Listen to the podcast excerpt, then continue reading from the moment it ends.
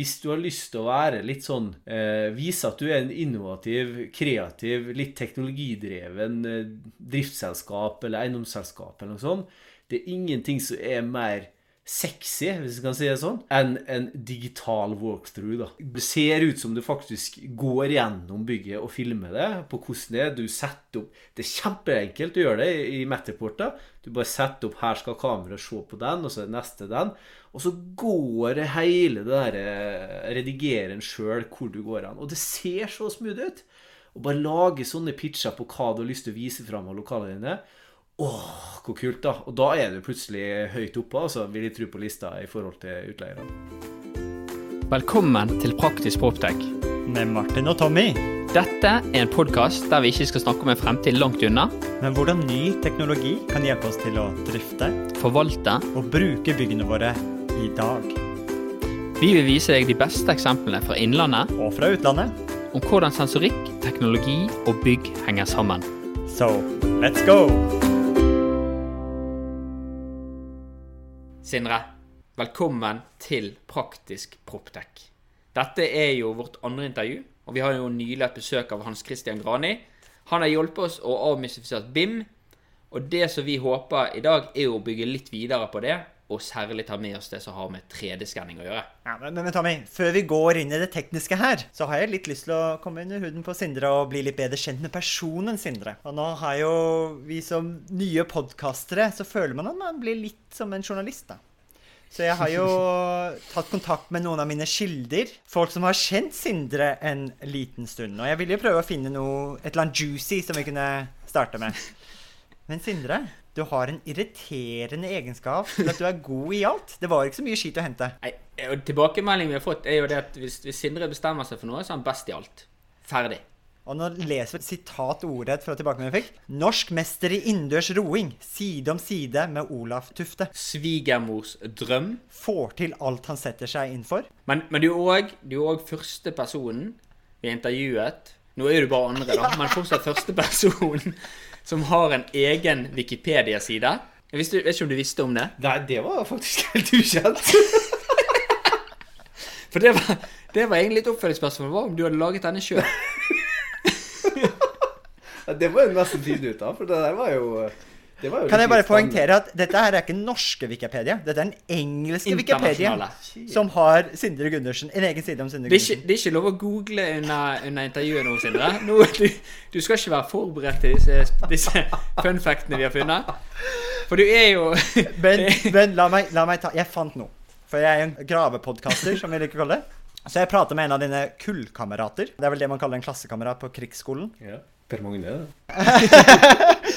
En journalist røper alle sine eh.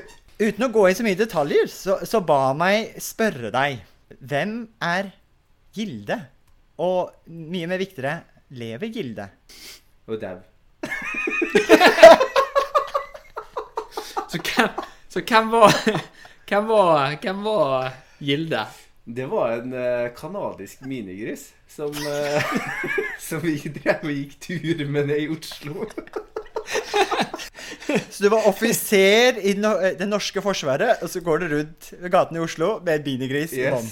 Så det var oppå Grefsen. Der var det jevnt og trutt en militarist som gikk rundt med minigris. Med eller uten uniform.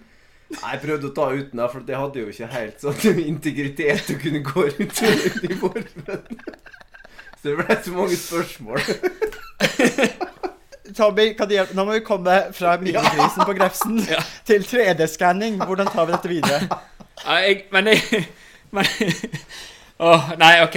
Nå, nå var det nå, Jeg tror vi det, Nå er vi i hvert fall blitt kjent. Jeg føler jo Jeg håper jo at våre lyttere eh, er blitt litt kjent med deg nå, Sindre. Vi vet at du er glad i gris, men Men eh, Men hvis vi tar litt det, det bra som ble sagt på forhånd, hvis vi skal si det, så er du på en måte bestemt deg for å være best i alt. Og på et eller annet tidspunkt så føler jo meg og Martin at du bestemte deg for at, at dette med contact, det skulle du ta. Ja, for dette var Nå legger vi Sindre i fortiden bak oss. Mm. For i dag, for oss, og vi har jo egentlig Jeg føler at vi har døpt deg òg, er jo du Mr. Contact. Ja, det, det har jo dukket opp nå til å være. Sist fredag så var vi på samlingen Contact Norway. Ja. Jeg tror det var 19. gang dere er samlet i dette miljøet av mennesker som ser på ny teknologi, kanskje spesielt mot bygningsfasen. Men kan du ikke fortelle historien til Contact Norway, hvordan det begynte, hvem som samles, og, og temaene dere diskuterer der? Og ikke minst hva Contact står for. Ja, Contech, det er jo eh, construction technology. Det er jo på en måte innovasjonsarenaen til bygningsbransjen. På samme måte som Proptech er på en måte property technology som er innovasjonsarenaen for eiendomsbransjen.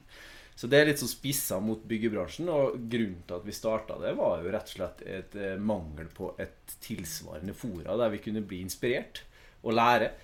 Eh, og når du sitter i Molde, som ikke er akkurat uh, navlen med all utvikling, så, så trenger du jo noen til å samle noe, da, og da må du skape noe sjøl. vi så det var veldig mye foregikk i Oslo og litt i storbyene, men da måtte vi begynne å få til noe, og da samla vi folk som var interessert, og snakka om hva bør vi gjøre annerledes, hva kan vi gjøre annerledes, hvordan teknologi kunne vi brukt. Eh, og det har egentlig danna rammer rundt det, der vi både selvfølgelig snakker om teknologi og hvordan vi innfører det i byggebransjen, men kanskje den største verdien er jo at vi blir kjent på, med veldig mange inspirerende, kunnskapsrike, engasjerte mennesker som sitter både i Molde og Møre og Romsdal, og for så vidt også i Norge og i Sverige har vi nå flere også. Så det, det er liksom kjernen å få møte folk i bransjen som deler litt samme interesse. da. Hvem er det som møter opp i Contact Norway? Hva slags roller har de, og hvor jobber de til daglig? Er alle funksjoner i utgangspunktet. Det er fra byggherre, mm, rådgivere, eh, teknisk eh, entreprenører, hovedentreprenører. Vi sitter oss på leverandørleddet. Vi har med oss eh, en del sånne Proptech-startups eh, som, som driver på å prøve å eh, levere noe inn i bransjen. Og vi har også eh, hardkodere som sitter eh, på IT-sida, som prøver å forstå hva er vårt problem. da. Vi hadde jo en introduksjon på hvem Sindre er, men, men Sindre jobber jo òg i, i Angvik Utvikling. Du er jo en byggherre. Eh, og sist jeg var inne og sjekket på, på nettsiden deres, så ser jeg at dere eier jo nesten alle bygninger som finnes i Molde. Så dere har jo ganske mange bygg. Dere er en stor aktør eh, der oppe. Dere er vel den største byggherren i området? ut en av dem på, ja. Ja. Men hvem er, hvem er egentlig Angvik Utvikling? Nei, Angvik Utvikling er jo et uh, utviklingsselskap som vi sitter i, som i utgangspunktet er jo eid av, eh, eid av eiendomsselskapet og en entreprenørselskap uh, sammen med meg. da. Og da er det jo primært at vi skal drive og støtte dem, men vi skal også drive og selge, selge mine tjenester ut for dem som trenger det. Og da er det jo min, min forkjærlighet er jo eh, virtual design and construction og prosesser. eh, Og spesielt det inn mot innovative, nytenkende prosesser som kanskje du hører mye om som samspillsenterpriser. Og litt den nye måten å gjøre innkjøp på i bygda. Oppe i Molde så kom jo det en veldig spennende nyhet i Var det i fjor, eller var det i forfjor? På Molde næringsforum. Og det var jo nemlig Marcé-senteret. Kan du fortelle litt om Marcé-senteret? Marcé-senteret er jo eh, en eh, idé og en tanke om å samle arenaen, eller samle byggebransjen og eiendomsbransjen eh, til en kompetansearena der vi faktisk kan samarbeide. Eh, fordi at vi kan snakke om å samarbeide og sitte på hver vår lille tue. Vi blir ikke så veldig mye bedre, for vi dyrker ikke fram den kulturen og det, det nettverket som vi trenger for å få til gode samspillsprosesser. Og, og ikke minst at du kan lære av hverandre og komme oss videre. da. Så det er liksom tanken av Macé-senteret, å samle de aktørene som faktisk vil, eh, vil bruke teknologi, vil lære, vil være litt nære de andre rollene, og lære seg å bygge den kulturen og bygge det samspillet på tvers egentlig av både forretningsmodeller og eh, interesser. Så Angvik er jo selvfølgelig en stor aktør i det, men vi ønsker jo også å få med oss flere eiendomsaktører som er tilsvarende konkurrenter fra oss. da. Så det er liksom ideen, da. Og vi holder på å jobbe med det nå. Og det er jo ett år siden vi lanserte den visjonen og tanken. Og nå er på en måte vi der at vi like før vi lanserer eiendomsprosjektet der vi kommer til å gå inn i det, og da blir det jo direkte å få inn aktører på det. Så, så kommer, kommer Massé til å bli Moldes svar på Proptec Bergen? Ja. Det vil det bli, da. Det er Living Lab-tanken. Det er jo det som er hele konseptet. Så det er veldig mye læring fra, fra Tommy og det dere holder på med Proptek Bergen. Da, for det er jo veldig, veldig nyfiken på det og, og har lyst til å leve med teknologien. For det er jo det som er hele eh, tanken. Du kan ikke kjøpe inn teknologien, du må leve med den. Amen, sier bare jeg. Men vi hadde jo, vi hadde jo eh, som sagt besøk av Hans Christian der vi prøvde å avmystifisere BIM. Eh, og, og, den Det å på en måte eh, Det å ha eh, eksisterende bygningsmasser eh, som du har masse av i Angvik, hvordan, hvordan, tenker du på BIM? Er det, er det sånn at alt skal BIM-es? Alt skal digitaliseres på den måten? Eller er det en halvveis løsning mellom det og 3D-skanning? Altså, BIM har sin nytte, men, men, eh, jeg vil si at hvis du skal på en måte forklare mitt ståsted, mitt synspunkt på BIM, da, så bygningsinformasjonsmodellering, som på en måte er BIM, det kaller jeg det et verktøy. Det, det, er på en måte et tankesett, et virkemiddel for å oppnå noe. Eh, det er ikke et produkt. Eh, produktet vi snakker om, eh, er ofte det som vi kaller prosjektets informasjonsmodell. Mm. Altså en PIM, da, mm. som det faktisk heter på ISO-språket. Og det er jo en modell som er laga eh, for prosjektet til å kunne eh, ta beslutninger. Det er en visuell modell som viser kanskje tekniske fag satt sammen. Det kjører krasjer og sånn de funker. Bygge en virtuell prototype før du faktisk bygger det. Og Det er en prosjektinformasjonsmodell, og det er egentlig utelukkende en silo for prosjektet. Og det er det vi ser i dag, er en BIM, da, det vi snakker om. Eh, fordi at, og, så prøver vi å skal få det til å passe inn i en driftsmodell, men en prosjektorganisasjon er helt annet styrt enn en driftsorganisasjon. Det er helt forskjellig informasjon vi trenger for å drive beslutninger. Og for å løfte på en måte BIM-en til et annet nivå, da, så har du PIM-en, altså prosjektets informasjonsmodell.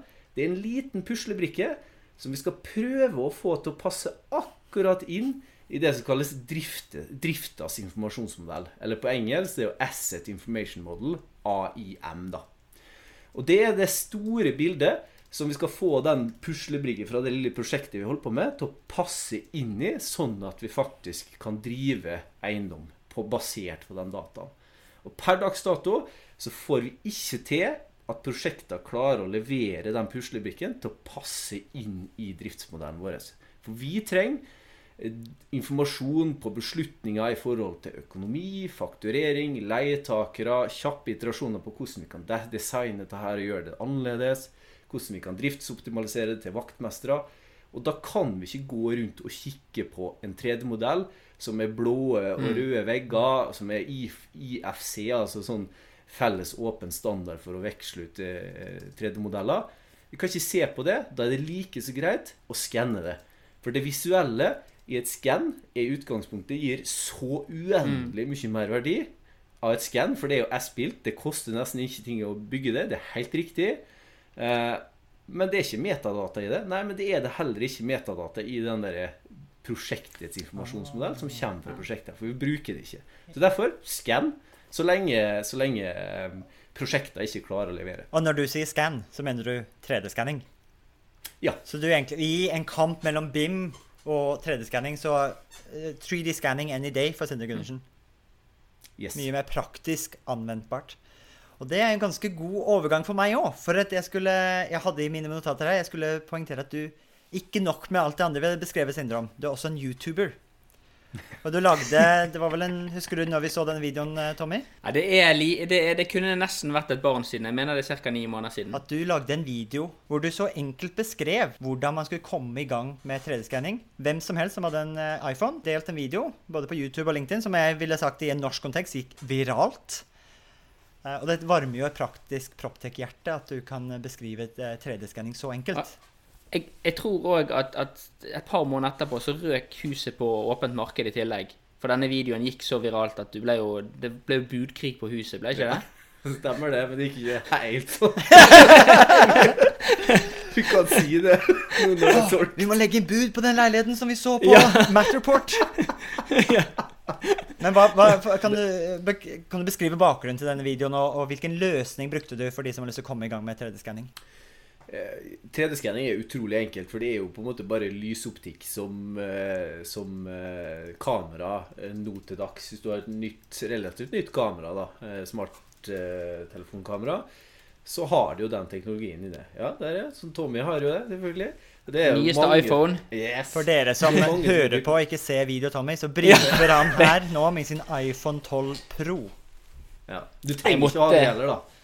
Jeg tror det er iPhone 10 eller noe sånt som er på en måte grensa i det. Eh, hele poenget er at du kan med Vetterport så har du en gratis, eh, gratis tilgang til ett host. Altså du kan ha ett hus, ett prosjekt. Eh, da registrerer du deg som gratisbruker på Metterport, og så laster du den appen på telefon eller iPad eller hva det er, og bang, så begynner du å skanne. Og da er det egentlig at du bare tar bilder i 360 grader av deg sjøl, og så på en måte setter dem her sammen i ei punktsky. Og du kan kjøre den virtuelt både gjennom VR og eh, som et sånt mesh-data, som en walkthrough, hva som helst, da, som du ser en virtuell befaring. Det er jo det er sånn som jeg så på den videoen din, så ser det jo helt ut som hvis man har en iPhone og tatt et sånn panoramabilde før, så ser man flere bilder etter hverandre, men at man gjør det 360 både opp og nede.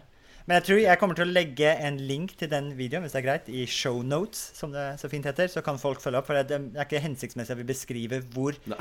utrolig lett det er å komme i gang med 3D-skanning.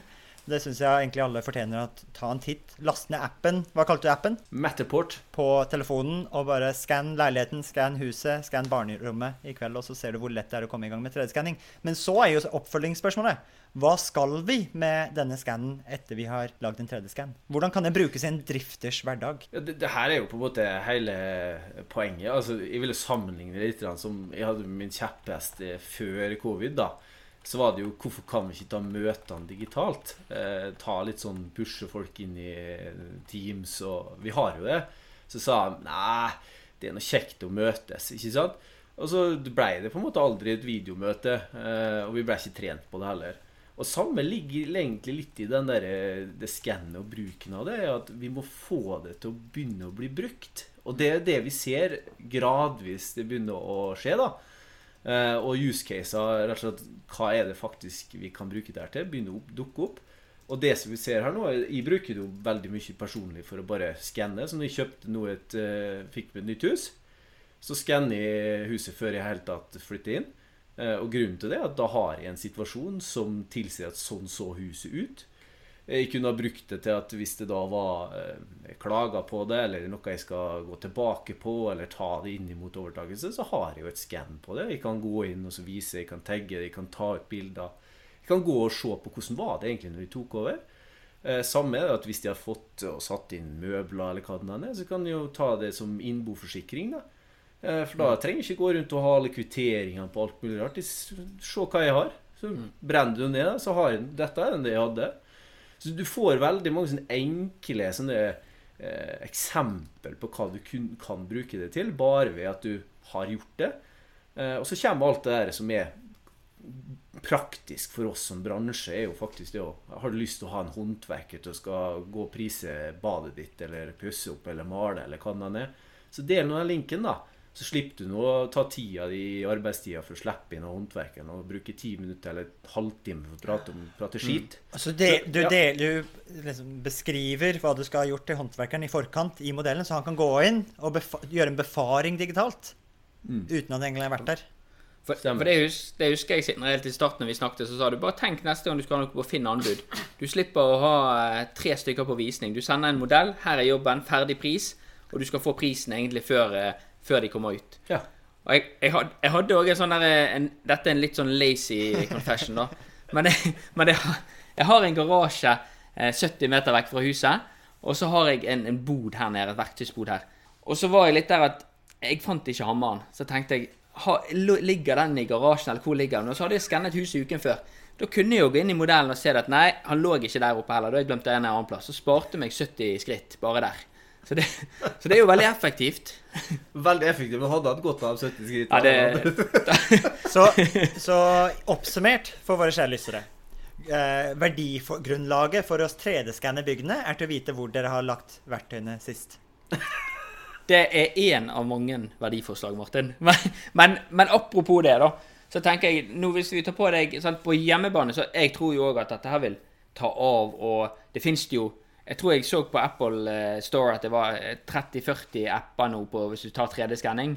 Og, og det er såkalt den slamming-funksjonen, som er at du bare tar telefonen opp og ned og, og helt til det svarte er vekke. Du maler egentlig. Du maler. maler, rundt deg Ja. bare med telefonen. Ja. Men hvis vi tar dette med oss inn med, med, med byggherrehatten på Hva er dette her Martin har et bra sitat. Martin, jeg tror, jeg tror, du, må, jeg tror du må ta den introduksjonen. Oi, jeg vet ikke hva sitatet er engang. Det er noe med baking å gjøre. Kan ikke du ta sitatet mitt, Tommy? Jeg sier så mye bra. Ma Martin har et sitat som heter Er du bakerens sønn uten morgenbrød? Altså Angvik eiendom, har dere 3D-skannet alle byggene deres? Er, det, er dette her, Gir dette en så høy verdi at dette her er noe som dere enten har eller kommer til å gjøre på alle byggene deres? Ja.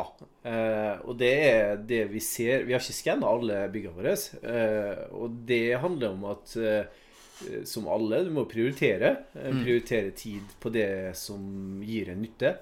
Eh, og det som vi kjører som konsekvent, er at alle prosjekt som skal ombygges, eller gjøres noe med, eh, der skannes det. Eh, og hele hovedårsaken til det er at prising og hele den prosessen med på en måte design og gjøre om det lokale, det skal ikke lamme verken oss som driftsorganisasjon i tid for å drive og, og låse opp og slippe inn og koordinere med andre leietakere. Og så skal vi heller ikke generere unødvendig støy inn mot andre leietakere. Og nå er jo også smitte selvfølgelig et veldig høyt eh, prioriteringsmoment. da. Så dere minimerer antall befaringer av entreprenører som skal komme med tilbud, ved at de kan bare gjøre befaringen i en Ja. 3D-modell. For det, jeg har også sett, du kan, kan man ikke ta ganske nøyaktige mål, både i plan, opp og ned, langs alle flater i Jo, modellen? Jo, du kjører jo alle mål i utgangspunktet, og den metaporten den har jo 1% nøyaktighet, og det har vi på en måte vist at det er godt nok da, eh, i de aller fleste fasene. Det eneste utfordringa du møter, er når du skal begynne å modellere på litt større bygg på basis av det punktskya. Men det mener jeg at det er veldig liten sannsynlighet at du, du kommer til å gjøre. Eh, og hvis du gjør det, så er det liksom godt nok det også, i forhold til 1 da. For det, for det er jo Én ting er å spare alle, alle entreprenørene, men eh, det som ofte koster penger for en byggherre, er jo òg alle konsulentene inne i bildet. Ser du noe effektivitet på, du er der du har 3D-modeller i prosjekter, på mindre befaring òg på konsulenter? Helt klart. Og det er noe eksempelet er noe brann. ikke sant? Hvor mange branntilsyn er det ikke som gjøres fra Oslo, hvis du kan si det sånn, da. Mm. Fordi at det er, der, det er en ledig ressurs. Eh, og så Nå kan jo det her egentlig i utgangspunktet kjørt en eh, tilstandsrapport fra en brann, eller eh, en akustiker, eller hvem det skal være. Kan jo kjøres fra hvilken som helst plass i verden. Og kanskje også mer nøyaktig. Ja, for det er jo en ting som gjerne meg og Martin ikke tenker så mye på, siden vi er jo fra, bor i Oslo og Bergen. Så har jo du ofte eh, flinke, anerkjente konsulenter på forskjellige tema. Men når du kommer litt ut på, på litt de mindre byene, da, så kan vel kanskje det ikke og det, Pass deg nå, Tommy. Pass deg nå. Nå må du stoppe meg, Sindre, hvis jeg tar feil, men når du kommer litt rundt eh, på, på, på byene utenom, da er det vel kanskje det at, at du har kanskje lyst til å snakke med At du har kanskje lyst til å snakke med en ekspert fra, fra et annet by eller en annen region, og du har ikke lyst til å betale to dagers reise for han gjerne. Helt klart, og det er jo, det er jo spisskompetanse du søker for å løse de enkelte casene som står opp, da.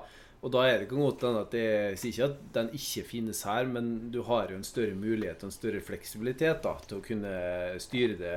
Ikke i forhold til pris, men kanskje også at du har behov for å få løst det akkurat nå.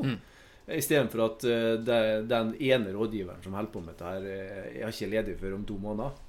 Og det, og det er jo det samme for, for storbyene. Vi vi ser jo at man flyr inn konsulenter fra, fra Trondheim til et Oslo-prosjekt, eller fra Tromsø til et Bergen-prosjekt òg. Så, så det er jo ofte unike mennesker der ute man er på jakt etter. Ja. Men, men det, så det er jo et, så hvis vi, hvis vi sier topp tre caser som dere bruker 3D-modell for det i dag, vil du si at, at det befaringer er i hvert fall en, på topp tre-listen? Ja, virtuelle befaringer. Og en og litt sånn av natur er at eh, hvis det oppstår en diskusjon, og det jeg lærte jeg ganske kjapt i forhold til når jeg som prosjekteringsleder i prosjekt, da er at det oppstår ofte diskusjoner i drift eller i, i møter der vi sitter og skal planlegge noe. Og da begynner vi å diskutere en plass, en case, et område, en eller annen sak. Og da går det ganske kjapt opp i hodet mitt om har jeg skanna det, og hvis jeg har skanna det, så går jeg relativt kjapt bare skjult, får opp den siten, akkurat den plassen, storskjerm. Er det det her vi snakker om? Og det å, å bruke en 3D-modell i BIM, eh, eller bruke en skann på det her i møter, det, det forenkler samtalen og kommunikasjonen så enormt mye, da. Til å si Ja, det var sånn, ja. Vi sliter av synsinga og noe der, eh, eh, håp og tro, da. Jeg, jeg jobber på et prosjekt i dag på, på Markeveien 1 i Bergen. Og, altså et prosjekt som leder av en, en veldig flink kar som heter Mats Bremertun. Og dette prosjektet har jo pågått i covid eh, via Teams. Og den verdien som han tilfører når vi sitter i prosjekteringsmøter Dette er jo veldig tidlig fase. Og hver gang vi snakker om en sjakt eller noe, så før vi har sagt ordet sjakt, så har jo han allerede dratt opp 3D-modellen. Og den har vi lagt opp i mange forskjellige steg, og sånn, men den bruker vi konsekvent. Og jeg er ganske sikker på, hadde ikke det vært for den, så hadde det vært nye diskusjoner. Ja, er det sørvest Vent litt, sørvest, hva er det nå igjen? Er det ut mot eh, Torgallmeldingen, eller var det mot Den blå stein? Og, men bare det å se det, og så tar han Så bytter han gjerne med Google Maps og Google Earth. Og, og i disse byggemøtene som foregår på Teams, så, så tror jeg at, at alle vi sitter og har en mye høyere verdi av den prosjekteringsunderlaget vi skal gjøre. Og det er, ikke, det er ikke tvil om at det er diskusjon. Og det er jo gjerne sånn at nå, nå kommer igjen ribben. rådgivende ingeniør på byggfag eller rådgivende ingeniør på ventilasjon. Er gjerne ikke så opptatt av hvor sjaktene til elektro er, eller hvor ventilasjonsaggregatet skal være. Men når vi ser på det på tredjemann, så er alle med på hvor disse tekniske fagene også skal leveres. Men, men Tommy, til å være, være tydelig nå, når du sier 3D-modell, så mener du en 3D-skannet. Ja. Da vet vi ikke hva som er bak veggene, ikke sant? eller over himlingen. Da er det kun det som kamera fanget visuelt. Ja, for da er vi inne på litt ulempene her, da, Sindre. Hvis vi skal gå inn på litt ulempene med 3D-skanning. For du, du får jo ikke det som er bak himlingen og bak veggene og bak store aggregater. Det stopper med det som øyet, øyet kan se, holdt jeg på å si. Det gjør du, og, og, men eh, jeg ser ikke på det som et problem. Eh, og og det, årsaken til det er at eh, vi har ikke tatt i bruk den teknologien og fått endra prosessene våre sånn at vi søker den informasjonen og trenger ikke den informasjonen. Når det oppstår noe, en lekkasje, eller vi lurer på noe, så åpner vi opp. Mm. vi søker ikke informasjonsmodellen, enten om det er et skann eller om det er 3D-modell. Eh, Hvis vi hadde hatt det, så gjør vi ikke det. Og, og da er på en måte verdien av å putte så mye innsats i å lage en sånn modell, og forklare hva som er over himling, og hva som er inni veggen, den er ikke i forhold til nytteverdien. Og da kan vi ikke drive og prioritere det heller. Men det kommer nå helt sikkert eh, der framme. Eh, men, eh, og jeg vil jo tro at det kommer til å være der inni veggen. fordi at de som bygger, de er opptatt av å få det til å være i veggen mm. i modellen. For hvis det ikke så bygger de feil. Så, så det, er ikke, det er ivaretatt, føler jeg, da. Eh, men vi må finne på en måte den måten å eh, bruke det, og ta det i bruk. Og det, der er vi jo ikke. Eh, og da bruker vi mer det i tidlig fase, som vi snakka om, et skann. For sånn ser det ut.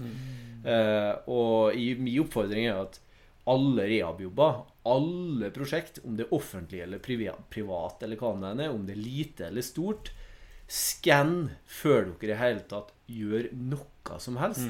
Fordi at dere må på et eller annet tidspunkt håndtere den virkeligheten det huset eller den ombygginga skal gjøres i.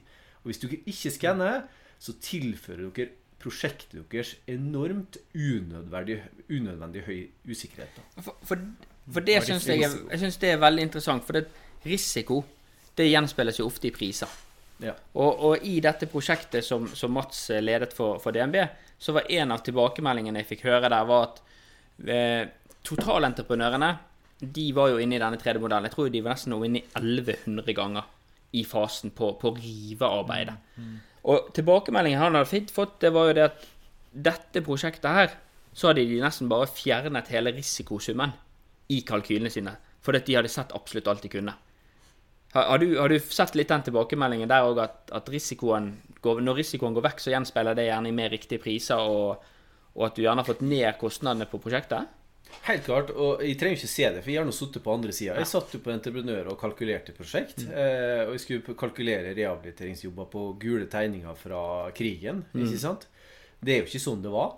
Eh, Jeg gikk rundt og kikka, og så ser jeg en brannkonsulent som har sagt at her skal det være betongdekke. Og brannrapporten sier det. Og kikker opp og ser jeg tre bjelkelag. Eh, hva, hva, hva, hva skal jeg prise her? sa jeg til Nei, du får bare ta utgangspunktet at det er betong, og så tar vi det som en endring. At, Skjø- skjønner du? Da, da blir det litt og, og vi handler om at når vi skal prise, eller sats som entreprenør skulle prise ting, så hvis de veit hva det er for noe, så veit de jo hva det koster. Men hvis de ikke vet hva det er, så må jeg jo gjette, da. Eh, og hvis de må gjette, så må jeg ta risiko. For hvis de ikke, så kommer jo du som kunde og sier at 'Hvorfor har ikke du tenkt på å ta det?'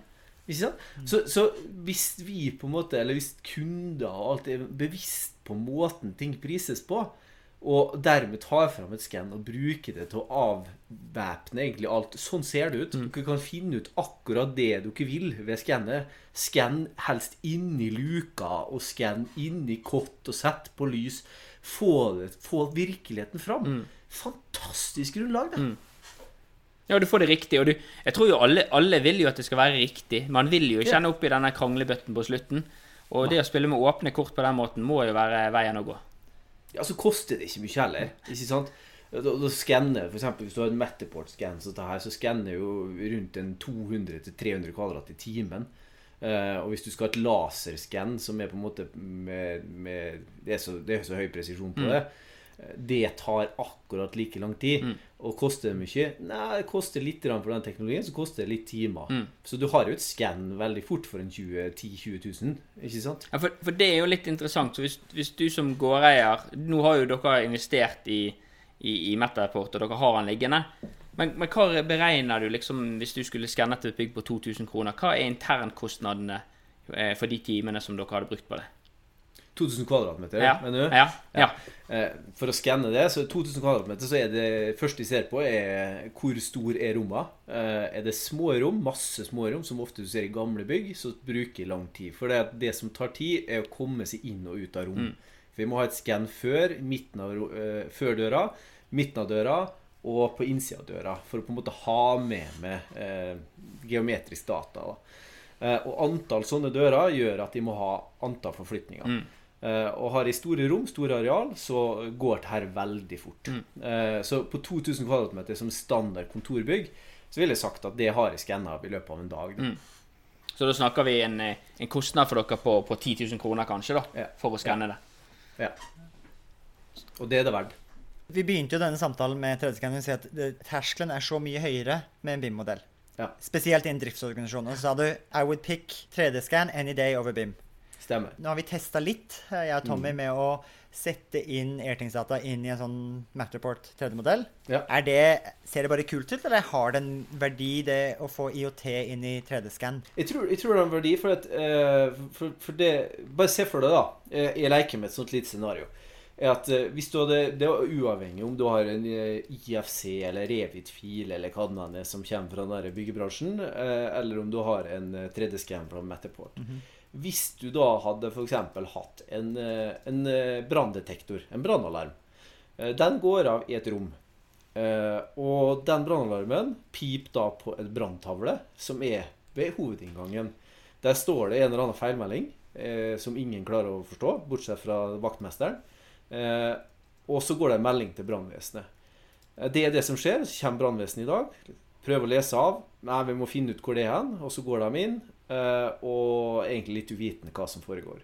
Det er virkeligheten i dag. Hvis du hadde kombinert et, eksempel et 3D-skann, sånn som du sier, og så har du kobla 3D-skannet med den branndetektoren, så sier du at eh, branndetektoren i det rommet her nå går eh, til det brannalarm, eller branntavla, som sier at nå går det en brannalarm, så sender til brannvarselet, eh, til brannvesenet. Hvis du hadde pusha da data og si at nå får brannvesenet en tilgang til Matterport-tilgangen, det er branndetektoren der i det rommet her som er godt. Du får kanskje en eh, nesten sånn som du så på Google Street View. Du får en rev, den reven, ikke sant? Som kan følge brannvesenet inn til det, det rommet. For å vise faktisk hvor er den branndetektoren er. Da trenger du ikke adressering. Du trenger ikke forholde deg til det. Det løses av seg sjøl. Nå tror jeg også er mulighet til å name-droppe et av våre enkleste, men favoritteknologier i Proptech. QR-koden. For det du kunne hatt ved siden av den branntavla da, var en QR-kode som åpna opp Så du slipper å sende noe til brannvesenet. Når de kommer, så kunne de skanna med telefonen sin, åpnet opp Matterporten, og så ser de akkurat hvor den brannalarmen er inni modellen. For du har allerede lagt til en tag som viser hvor den alarmen er i Dette, dette tar jo meg litt tilbake når jeg satt eh, i Paint og lagde SD-anlegg. Eh, som, som, er en, som er en litt trist realitet. Og da prøvde jo vi å løse alt dette. Sant? Med å lage dashbord i Paint av ikke-grafisk designere. Eh, og, og var jo veldig fornøyd med mine egne tegninger etterpå. Og der også prøvde jo vi litt det samme, og at ventilasjonskanalen skulle lyse i rommet, hva side det var og sånt. Og et spørsmål som jeg har stilt meg sjøl mye, er jo er på en måte det, det fotogrammetrien, altså 3D-skanningen, er det fremtidens SD-anlegg? Er det der vi skal se data til slutt? Mm, Godt spørsmål. Er det toppsystemet? Er det brukergrensesnittet for fremtidens SD-anlegg eller toppsystem? Jeg tror nok det er et brukergrensesnitt, definitivt. For det er det vi kjenner igjen. Det er det vi kommer til å bruke, og det er det, det som er bygget. Så er spørsmålet hvordan legger vi på den metadataen bak det. Eh, og det, det kan vi gjøre på alle mulige måter. Det trenger ikke være så komplisert heller. Men i det jeg savner litt, eksempel, med 3D-scan, hvis jeg kan si det òg, er jo eh, Se måten vi jobber på. Eh, hvis vi f.eks. skal leie ut et nytt lokale, der du la oss si du har et stort lokale som skal deles opp i to mindre lokal, kanskje litt ombygging, og da i en tilbudsfase som vi holder på med, så er det veldig mye leik med skisser. Det er leik med areal i forhold til leietakerne. Passe, hva kan passe tegner møterom her, sånn og sånn. Eh, Det i Matterport det, kunne jo, det burde jo kunne løst i Matterport, der du faktisk bare sitter og tegner og måler opp og tar de arealene, flytter litt og sletter litt vegger og gjør litt For det er bare data som ligger der. Du kan viske ut egentlig dataen. Og lage litt sånne iterasjoner. For hvis du hadde fått til det eh, på nesten sånn eh, Google SketchUp-nivå, så hadde du eh, lansert en fantastisk eh, verdi da, for eh, eiendomssjefer og dem som sitter som, og skal kjøre tilbud og salg. For dette er jo litt spennende, for det kom jo en funksjon for tre-fire måneder siden, tror jeg, eller rett før jul i hvert fall, der du kunne plutselig male en vegg. Og jeg, jeg satt jo her, jeg tror det var lille julaften, og malte vegger som aldri før. Eh, og ikke minst min kone begynte jo å male vegger hjemme, og faktisk malte de i realiteten òg eh, andre juledag. Så det, vi har jo begynt å sette en liten switch mot det, men, men jeg, jeg er jo helt enig, jeg savner jo det samme der som du gjør, og, og ikke minst hvis du plutselig fjerner en vegg, så må du slette veldig mange scans og skanne på nytt igjen hvis du vil ha en ny kopi av det. Det Men, ser. men det er jo akkurat som du sier, da. Det der er med Og du kan painte og sette struktur på overflata. Det, er jo, det er jo bare starten på det som er virkeligheten, eh, om ikke altfor lenge. Jeg tror nok at Vi har snakka om det her eh, 2021 blir året da eh, virtuelle modeller og digitale modeller faktisk får sin inntreden inn i drifta. Det tror jeg. Vi skulle nesten tro at Matterport har sponsa denne episoden, for vi prater veldig mye om Matterport. Eh, This show is sponsored by dessverre så er det ikke det. Men har du, har du, eh, det fins jo andre løsninger på markedet. Har du sett, prøvd andre ting? Ja, jeg har nå prøvd, eh, prøvd en del eh, ting, da. Både litt høy teknologi og, og også litt sånn enklere teknologi. Men eh, alt har sin nytte. Jeg bruker f.eks. laserscan, som er liksom Leica sin eh, RTC. eh, 360, som det heter. Eh, Men det er en litt annen prisklasse. Ja, Hva du sa Er det en litt annen prisklasse? Ja, da snakker vi en skanner på 400 000-500 000 da, eh, på kamera. Men, men da er vi ute etter høy presisjon på nesten Så du setter på landmålere som setter opp et kryss på veggen, og så måler de det inn i en sann koordinat, og da kan du finne og georeferere den punktskia i verden, da. Så da kan du droppe på en måte hele landmålingsprosessen med kikkert og hele pakka, for da har du skanna det, du vet at dette er modellen, og du kan bygge det i, i sanntid. Og dermed kan du ta det inn i maskinstyring på grunn av entreprenører også. Så, så det, det er sånn Da er du på en måte inn på da er du ikke på den kommersielle lekenivået, eller kanskje innsiktsnivået som vi holder på med her, da. Da er du mer på veldig sånn at nå hopper jeg over de vekslingene som vi tradisjonelt har. At vi har en landmåler som går inn, så kommer han med en, en tegning, så tar jeg den, importerer igjen. Og så, det er mange sånne vekslinger, så skanner vi bare, og så har vi det. Bang! Så begynner vi å modellere på det. Mm. er for for en driftsorganisasjon så er eh, prispunktet på Matterporn det er ganske attraktivt. Ja. For da ligger det på Hva koster en sånn Matterport Pro? Eh, Når jeg kjøpte, så kosta den 30 000. Jeg vil tro at den er noe billigere, Tommy. Ja, det er Jeg mener det er ca. 3000 Ja, euro eller noe sånt, og så er det pluss noe frakt og moms og litt sånn. Men det, det er jo en, en, en litt eh, dyr PC, vil jeg si. Så det er jo ikke, det er jo ikke en håpløs pris. Det som, jeg- det som jeg eh, har likt veldig godt med Metaport, og, og kanskje grunnen til vi jeg går inn der Jeg har jo skannet på Optek Bergen med, med Nevis flere ganger òg, som er jo en fantastisk Det ser ut som en gåhjul for en eldre mann, der du må gå rundt. Vi må legge til, må Eh, legge til en link til noen som går rundt med Navis Ja. i For det, det, Ja. det, ser, det ser ut som en høyteknologisk rullator. Ja. Ja. og det er jo Men det er jo en, en teknologi den, Jeg av de maskinen koster to millioner eller noe sånt, sånn, så da er det opp på et visst nivå. Og akkurat sånn som du sier, så var jo det flinke fagfolk som holdt på med, med georeferering av punkter. Eh, Miris var der igjen med en skoleklasse og, Geo georefererte dette her òg. Men det som slo meg, det var jo at denne maskinen her veier jo eh, 80-85 kilo eller noe sånt. Ganske brei. Og jeg hadde jo eh, et lite oppdrag på søndag der jeg skannet eh, Biltema i Bergen. Og de reolene der Jeg hadde ikke kommet meg gjennom en eneste reol med det store apparatet der.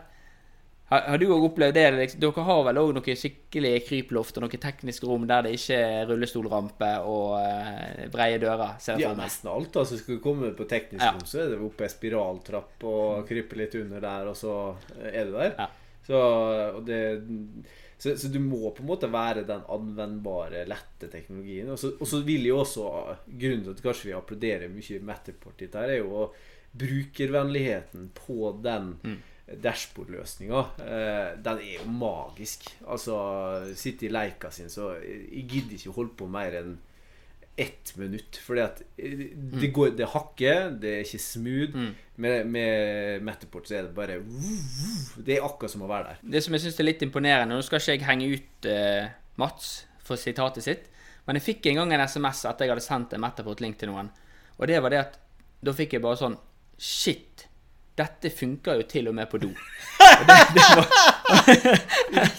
og det som var litt Og det som var litt interessant, det var jo at den linken var jo fortsatt veldig brukervennlig på en telefon, og ga en høy verdi.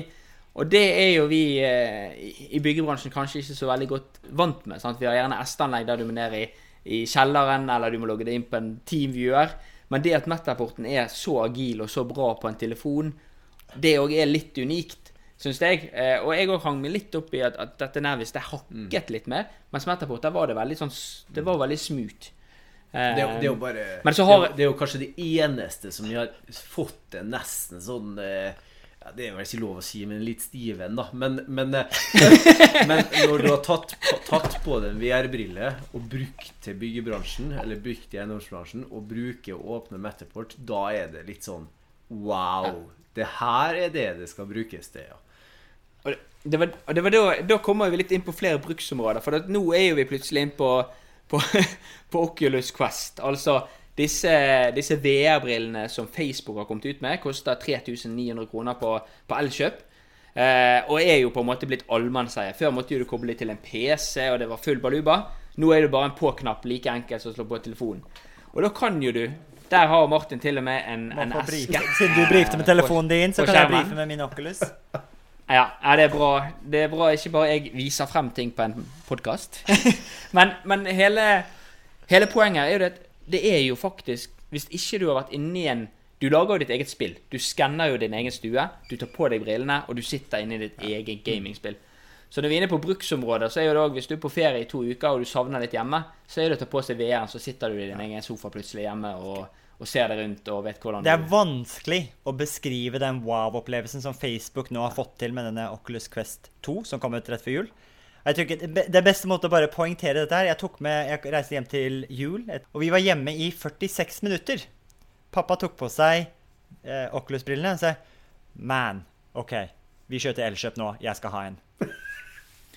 Men Martin, hvordan går det med hånden din, forresten? Ehm, Det er så ekte. Du er, er overbevist om at du er en helt annen verden. Så du glemmer jo da at de veggene du ser der inne, er ikke plassert samme sted som det er plassert på din lille leilighet på Tøyen i Oslo. Og da kan det fort gå nesten knekte bein på lillefinger og, og pekefingeren. Så jeg, eh, jeg hadde tre uker smerte i tre fingre etter at jeg ble litt for overivrig eh, i en 3D-modell. Jeg, jeg jeg må, jeg må bare, Hvis jeg skal legge til liksom det faglige rundt 3D-modell Jeg hadde faktisk en workshop oppe på Poptek Bergen der vi prosjekterte det, dette Markeveien 1-bygget via VR-brillene. Eh, og, og, det vi fant ut var enkelt. Det var at Vi hadde en oppgave vi skulle følge masse gamle rør fra en varmesentral. Når vi var der nede, så var det sånn så vi er vant med trangt, og du må krype mellom. Og du måtte gå rundt hele veggen for å komme deg inn igjen til døren.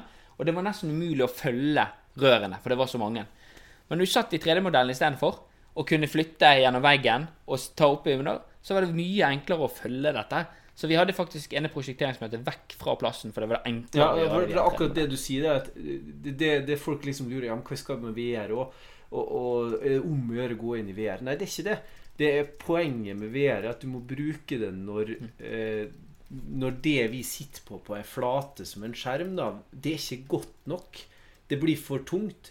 Og, Derfor er VR ekstremt nyttig i komplekse mm. problem. Der du, hvordan skal vi løse den overgangen her? Hvordan skal vi løse de føringsveiene her? For du kan fly og gjøre og kikke. Det er verktøyet VR er til for. Det er ikke for at vi skal sitte alle sammen i VR-briller hele tida. Mm. Så det er liksom, vi må, vi må lære oss den teknologien til at her funker det, her funker det ikke. Og Det er litt sånn der verktøykassa som vi må begynne å fylle med andre ting enn drill og hammer. da. Ja, for det er jo egentlig, istedenfor å bruke mobiltelefon, så av og til må du på en PC med stor skjerm. Eh, og, og jeg, har brukt, jeg, har brukt, jeg har noen flinke fagfolk som jeg bruker på vanskelige prosjekter. Litt sånn som du sa, av og til må du ringe litt nøkkelpersoner.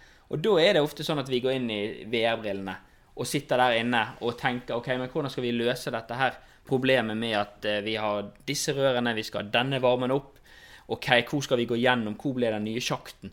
Og da har jeg tatt meg sjøl i å sitte inn i en sånn 3D-modell i, en, i en time eller to sammen med flinke fagfolk for å diskutere.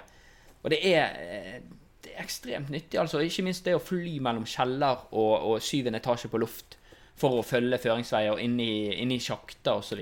Så, så spørsmålet er i 2021 kommer vi til å begynne å se Oculus Quest på vaktmesterkontor, driftskontor rundt omkring i Norge? Nei. Det tror jeg ikke. Eh, og det er dessverre Du kommer nok kanskje til det, se det på store firmaer som driver på med litt sånn leiking, litt sånn testing. Eh, men jeg tror ikke det. Og grunnen til det er nok at eh, vi har nok Jeg liker den frasen at du, folk har nok med seg sjøl, da. Eh, og, og, og, det er litt sånn eh, Vi må komme dit at det vi kommer inn med, erstatter i hvert fall fire-fem kanskje mm. ti andre ting. Det forenkler noe. Ikke som en sånn Oi, se på dette. Hva mm. kunne du brukt det her til? For det, det blir for feil tilnærming. Vi syns det her er kult. ikke sant? Vi kan sitte her Wow, dritkult. For vi er litt annet sammenskrudd.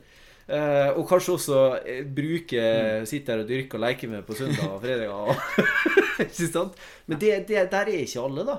Og derfor er det liksom der implementeringa må være til at vi må erstatte noe. Mm. Vi må rydde bort noe greier for at uh, sekken deres skal bli litt lettere. Da. Men uh, hvis vi stiller samme spørsmål med, med 3D-skanning Nå har jo du uh, proklamert at det å 3D-skanne med 1% feilmargin, altså 99% nøyaktighet, maskin som koster 10 000-lappene, det er gjort på timer.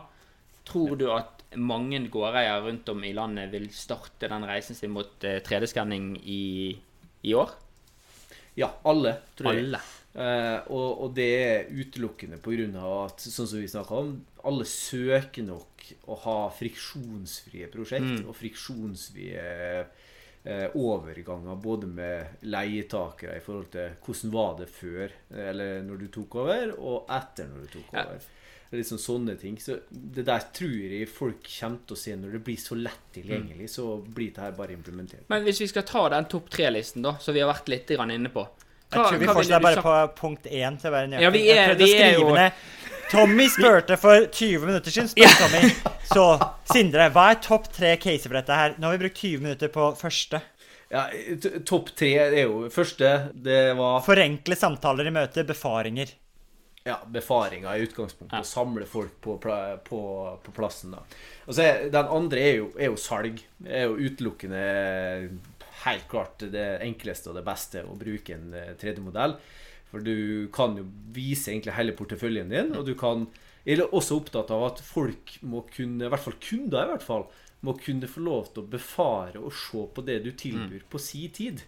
Ikke at du skal liksom presse dem inn til at nå kan du få lov til å se på det vi har. Og så er det tredje momentet er hvis du har lyst til å være litt sånn eh, Vise at du er en innovativ, kreativ, litt teknologidreven eh, driftsselskap eller eiendomsselskap eller noe sånt. Det er ingenting som er mer sexy, hvis jeg kan si det sånn, enn en digital walkthrough. da. Det ser ut som du faktisk går gjennom bygget og filmer det på hvordan det er. Du setter opp Det er kjempeenkelt å gjøre det i i Matterport.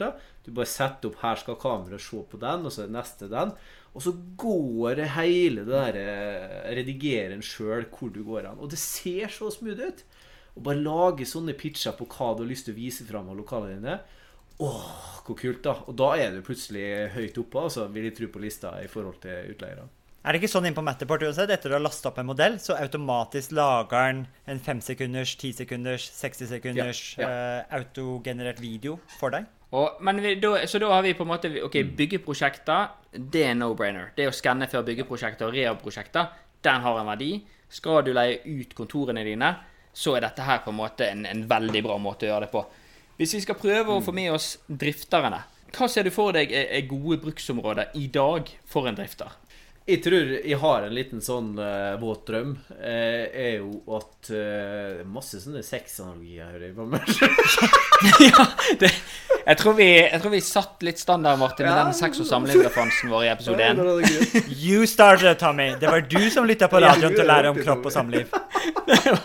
Nei, men, men, men eh, det- drømmen min er litt at hvis du La oss si du har en, et skanna teknisk rom, da. Vi skal si det, At du har alle tekniske rommene dine skanna. Eh, og du da går på et ventilasjon eller teknisk display, og alle sier er jo forskjellige, ikke sant? Eh, hvis du da bruker Matterport eksempel, så legger du inn en link da på det eh, displayet, eller på det filterskiftet, eller på den uniten du skal gjøre en eller annen sak på. Og så i den linken så ligger det en, en YouTube-video, eller en Vimeo-video, som sier Når du åpner den, så ser, kommer det opp en video, så står det faktisk en, eh, en, eh, en av leverandørene som har service. De har filma en kort seanse. Så sier jeg at sånn bruker du det her, sånn trykker du på her, sånn var det. Og det er ikke det at du eh, belærer på en måte og tilfører drifterne noe, men jeg sitter med drifterne våre og sier at det er så mange forskjellige system, så når du kommer på bygget igjen, så var, Hvordan var det igjen med dette her? De har det ikke helt i fingrene. Og så trenger du bare å se en video. Å, det var sånn var det med dette systemet her, ja. Sant? Og dermed så plutselig så er du inne Ja, det var her settpunktet var. Det var sånn og sånn. Og den overgangen på en måte inn til det toppsystemet som vi snakker om at det her skal bli, Det kan være en sånn fantastisk overgang, da. Der du faktisk bare går opp Metaport, der er jeg, det var teknisk rom, nå lurer jeg på den tingen der. Og så har du på en måte nesten en sånn tutorial på hvordan du, hva du skal gjøre. Bam, bam, bam. Så kommer det videoer opp, da. Så egentlig, hvis en drifter bruker dette her perfekt, så kan han egentlig overlevere bygget til en annen når han er Ja. på ferie. Riktig. Eh, og han kan, for det er, jo, det er jo det unike gullet vi har sett veldig mange sånn, drifter som har vært på samme bygg i 20 år. Den kompetansen han har om det bygget, den får du aldri overført til han som skal overta etterpå, eller sommervikaren. Sindre, vi har vært gjennom litt av en reise fra Gilde på Grefsen til 3D-skanning i Molde, og Oculus Quest kommer vi ikke til å finne på drifterkontoret, men Matterport Pro anbefaler du at vi kommer til å se på flere og flere drifterkontor i år. Vi pleier å spørre Nå sier jeg vi pleier å spørre, dette er andre gangen. Men vi pleier å spørre gjestene våre på Praktisk Proptech. Hva er det snilleste noen har gjort for deg i karrieren din? Det stilleste noen har gjort for meg eh, kan, Det var et godt spørsmål som jeg ikke har tenkt over, faktisk. Hvem snilleste Ja.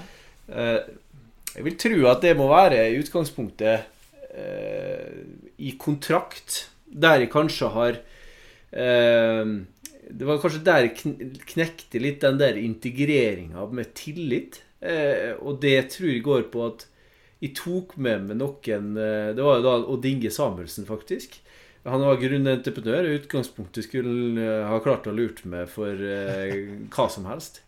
Eh, og så gir inn tillit til å, å være med meg og hjelpe meg i utgangspunktet i dialog både med en eier, som jeg hadde kanskje satt litt vanskelig situasjon ut fra min egen kompetanse, begrensa kompetanse. Eh, og han stilte opp og hjalp meg, og var egentlig på en måte en, det en sverdmann eh, for meg. Eh, og det er en sånn, sånn snill ting som vi føler at det viser den godheten som er i folk, da. Hvis du eh, slipper dem inn. Hvis du på en måte viser at dette kan jeg, dette kan du. Skal vi på en måte få til noe sammen? Og etter det så var det liksom sånn Begge var bare BFFs, da. Eh, og, og, og, det er liksom sånne ting tror jeg vi trenger mer av i bransjen. Eh, vi har det mye utafor, men vi har det ikke så mye av det i bransjen.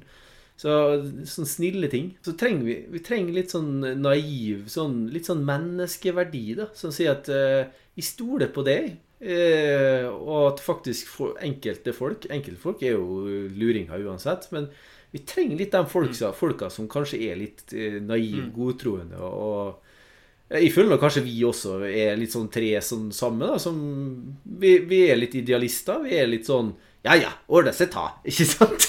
Og, og, og, det er litt sånn du trenger. da, Det er litt den tankegangen. For det er noe mm. av den der Nei, mm, det går ikke. Eller Han lurer meg sikkert. Ikke sant? Eller Nei, jeg må beskytte meg. Eller dette er farlig. Mm. Den der eh, snille tilnærminga der tror jeg vi trenger mer av. Og Det er kanskje like mm. viktig når vi snakker om avmystifisering av ny teknologi. Det er mye endring som kommer til å skje i hvordan vi både bygger byggene, men også hvordan vi drifter byggene. og Det er jo det er ikke alltid like lett å ta til seg endring. Helt klart. Og det er jo derfor endring handler jo om uh, positiv endring. Det er jo det det er snakk om. Og da er det nok en gang du må ta bort noe.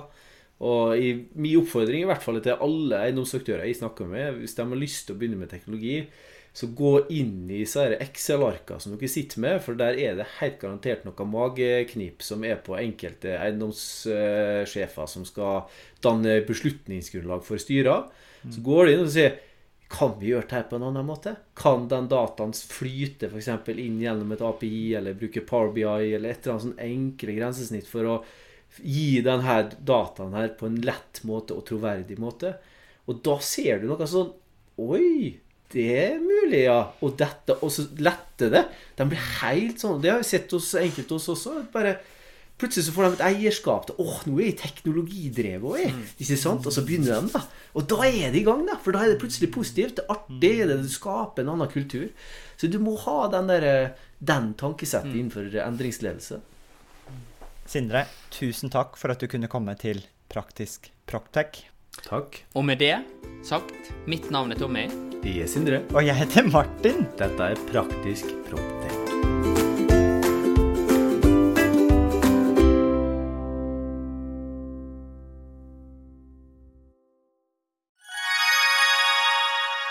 Da dere er 2024 i gang, og et av høydepunktene på starten av året er jo sett sammen et årshjul, og det har vi også gjort, Tommy. Ja, Akkurat nå sitter jeg og ringer rundt 25. og 26. april, for da skal vi på FTV-kongressen. Og det blir litt ekstra spesielt i år, Martin. Det var jo veldig spesielt i fjor òg, for jeg husker det vakre øyeblikket når eh, du og Magnus fra FTV-kongressen eh, preiket sammen og egentlig unnfanget og satt sammen en god idé. Og det var jo invitasjonen til eh, Proptech-dugnaden, som også blir et høydepunkt i år, ikke sant, Magnus, på FTV-kongressen 2024? Jo, det stemmer det. Vi setter godt med plass i år til, til dugnaden. En god og sprø idé for å sette praktisk proptech ut faktisk i livet og eh, vise hva vi får til, ikke bare fortelle. Det var, jo, det var jo veldig gøy, for jeg husker da jeg skulle pitche dette til deg, så tror jeg du avbrøt meg og bare sa 'vi er med'. Og når vi var på dugnaden, så sa du òg at Tommy, dette her må vi ta med oss tilbake på FTV-kongressen. Vi må jo praktisk få dette vekk fra Powerpoint og vise praktisk hvordan vi har gjort det. Og det syns jeg blir litt spesielt i år, at det blir jo for meg en liten reunion av det som skjedde der ute. Men, men eh, FTV-kongressen er vel mye mer enn en, bare en reunion òg? Jo da, det er en møteplass for eh, FTV Norge, og vi ønsker å skape det til en, en god møteplass for FTV Norge, som, som tross alt tar vare på Norges største fastlandsnæring. Og da skal vi da skal vi ha en god arena å møtes for å se på felles uh, utfordringer og problemer, men ikke minst hvordan vi kan løse ting fremover. Og så blir uh, dugnaden en sånn eh, bekreftelse på hvordan vi faktisk eh, kan gjøre det, istedenfor å stå og bare høre om hvordan vi kunne ha gjort det. Det er veldig kult. Og januar er jo en gavemild måned, så hvis du brenner for bedre drifting av bygg, så kan du få med deg en liten eh, rabattkode her også, så møtes vi kanskje 25.-26. april på Tung kongress Gardermoen. Og den rabattkoden er ikke vanskeligere enn Praktisk proptek med små bokstaver og uten mellomrom. Praktisk proptek. Praktisk Proptex, små bokstaver, ingen mellom ett ord. ftvkongressen.no, der ser du programmet. Det blir oppdatert i disse dagene, og så møtes vi i april. Vi Vi ses! ses!